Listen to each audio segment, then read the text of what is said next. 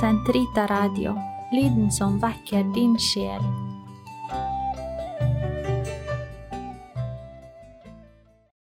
Lovet være Jesus Kristus, og velkommen til denne episoden av Katekese for konfirmanter og unge voksne. Godt nytt år og fremdeles gledelig jul. Nå har vi kommet til hva alt virkelig handler om, hvorfor noen av oss er kristne i det hele tatt, og hva denne katekesen er til for å formidle. For i dag skal vi snakke om en person, Jesus Kristus.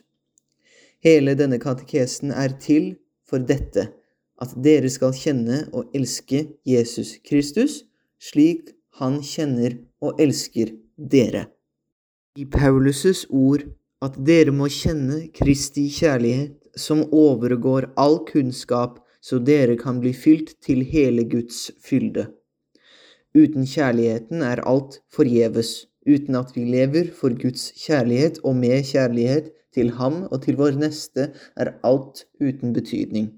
Og da mener jeg den virksomme, givende kjærligheten, båren av Guds nåde, som setter den elskede først, og ikke den basert på følelser og som er selvopptatt, og som setter seg selv først. Forrige gang hørte vi om eh, løftene i den gamle pakt, og, og nå som vi nå forstår dem, eh, om Messias, fredsfyrsten som skulle komme og fødes av jomfruen i Betlehem, da forstår vi juleevangeliets betydning. Jesus Kristus, Jesus fra Nasaret, som han også kalles, ble født rundt år null. Og vi regner faktisk tiden etter hans fødsel. Vi sier at vi nå er i år 2021 etter Kristus. Jesus fødes i Betlehem av jomfru Maria. Vi vet mye om ham fra evangeliene, som er skrevne beretninger om Jesu liv, død og oppstandelse, og som ble skrevet kort tid etter hans død.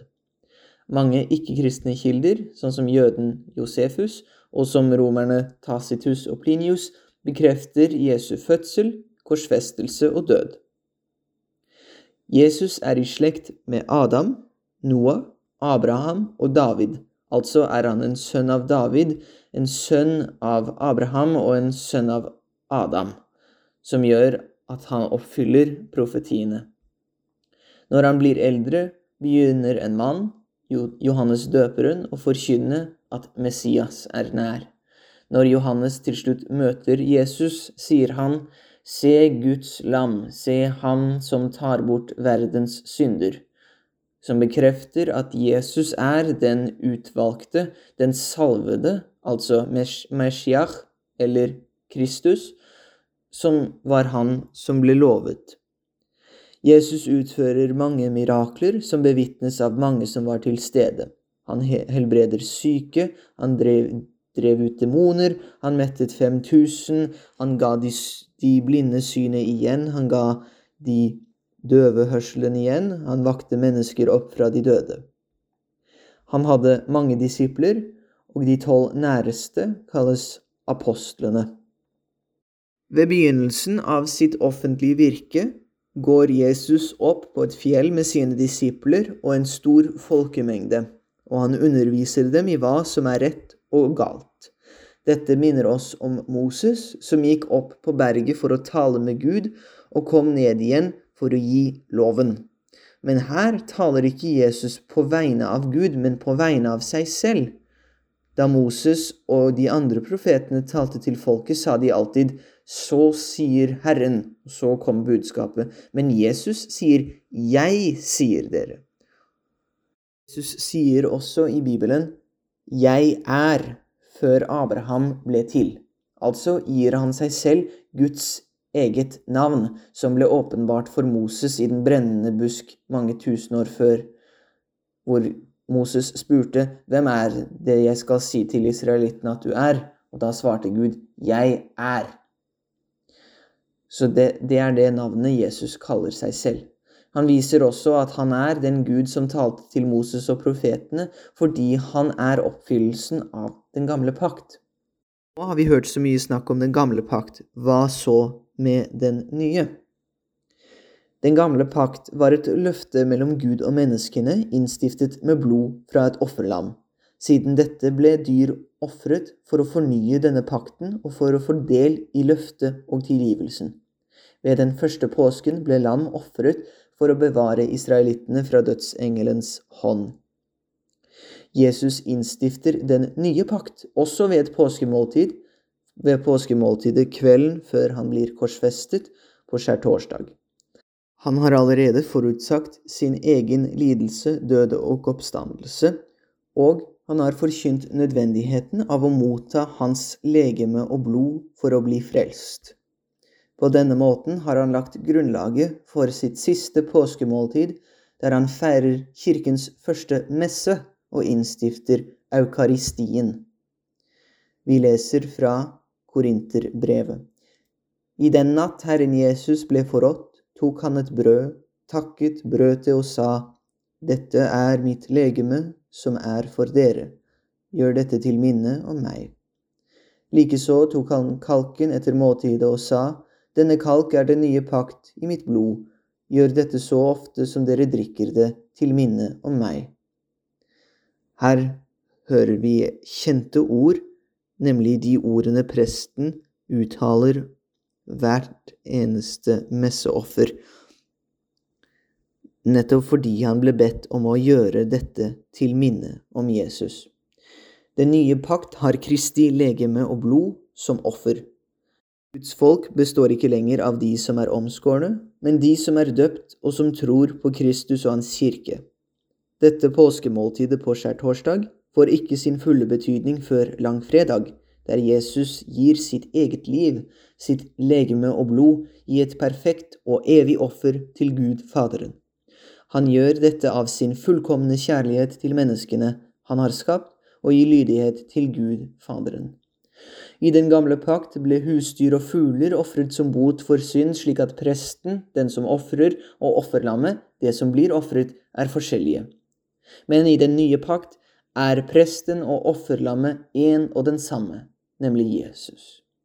Korsfestelsen på langfredag er fullbyrdelsen av innstiftelsen på skjærtorsdag.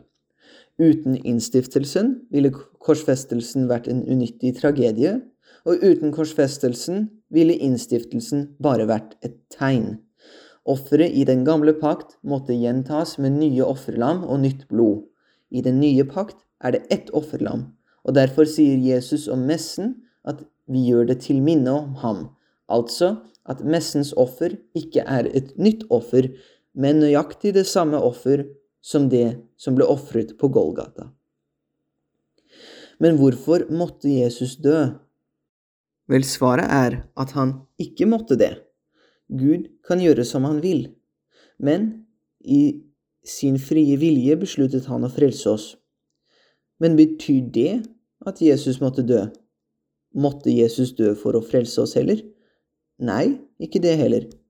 Men Gud ønsket ikke å tvinge oss til å ta ham imot. Han ønsket ikke kun å knipse med fingrene og frelse oss. Han ønsket å gi oss sjansen til å motta ham frivillig. Fordi det er ingen kjærlighet i tvang. For at så mange som mulig frivillig skulle ta imot hans frelse, ville Gud gi det kjæreste han eide, sin egen sønn, for å vise sin bunnløse kjærlighet for oss. Ved å dø en så grusom død, ved å lide så bittert, viste han at han selv var villig til å lide alt for å vinne oss til seg selv. Fordi Jesus selv var uskyldig og rettferdig, fordi han selv fulgte loven til punkt og prikke og var fullstendig plettfri, var han den eneste verdige til å ofres for verdens synd. Gjennom sin lidelse oppfyller han alle lovens profetier om ham, sånn at han til slutt kan bøye hodet og si det er fullbrakt. Jesus korsfestes og dør, og sjelen hans forlater kroppen. Vi husker at et menneske er en forening av kropp og sjel. Kroppen er den synlige delen, og sjelen er det usynlige, livgivende prinsippet som lar oss tenke og elske og føle. Hva skjer med kroppen til Jesus når han dør? den begraves. Og hva skjer med sjelen hans? Den farer ned til dødsriket, som vi sier i trosbekjennelsen. Den farer ned til dødsriket, hvor de dødes sjeler oppholder seg. Han kom for å løslate fangene i dødsriket, de rettferdige sjelene som ventet på Messias fra gammel tid. Først ved Jesu død og oppstandelse ble himmelen åpnet så den gamle pakts helgener, sånn som Adam og Eva, Noah og Abraham, Sara, Moses og Miriam og David, kunne motta sin evige lønn.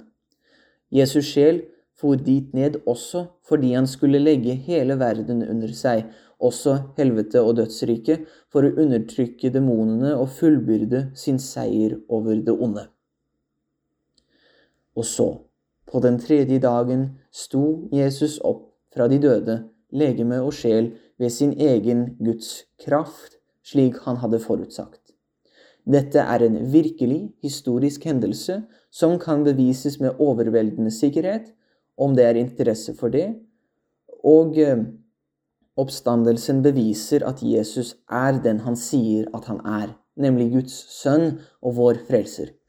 Det bekrefter og viser at han virkelig ofret sitt liv på korset for oss, og at han virkelig innstiftet den nye pakt på skjærtorsdag for å gjøre frelsen mulig for oss. Med andre ord, skjærtorsdag, langfredag og påskedag avhenger av hverandre og kan ikke skilles fra hverandre. Så viser Jesus seg for sine disipler. Han grunnlegger en kirke som lar alle folkeslag få del i hans frelsende offer og herlige oppstandelse, og nå skal dette glade budskap bæres frem over hele jorden, at Jesus Kristus er den eneste vei til sannhet og liv, det eneste lys i syndens mørke og det eneste håp. Tar vi ham imot, skal vi vinne evig liv med ham. I Faderens og Sønnens og Den hellige ånds navn. Amen.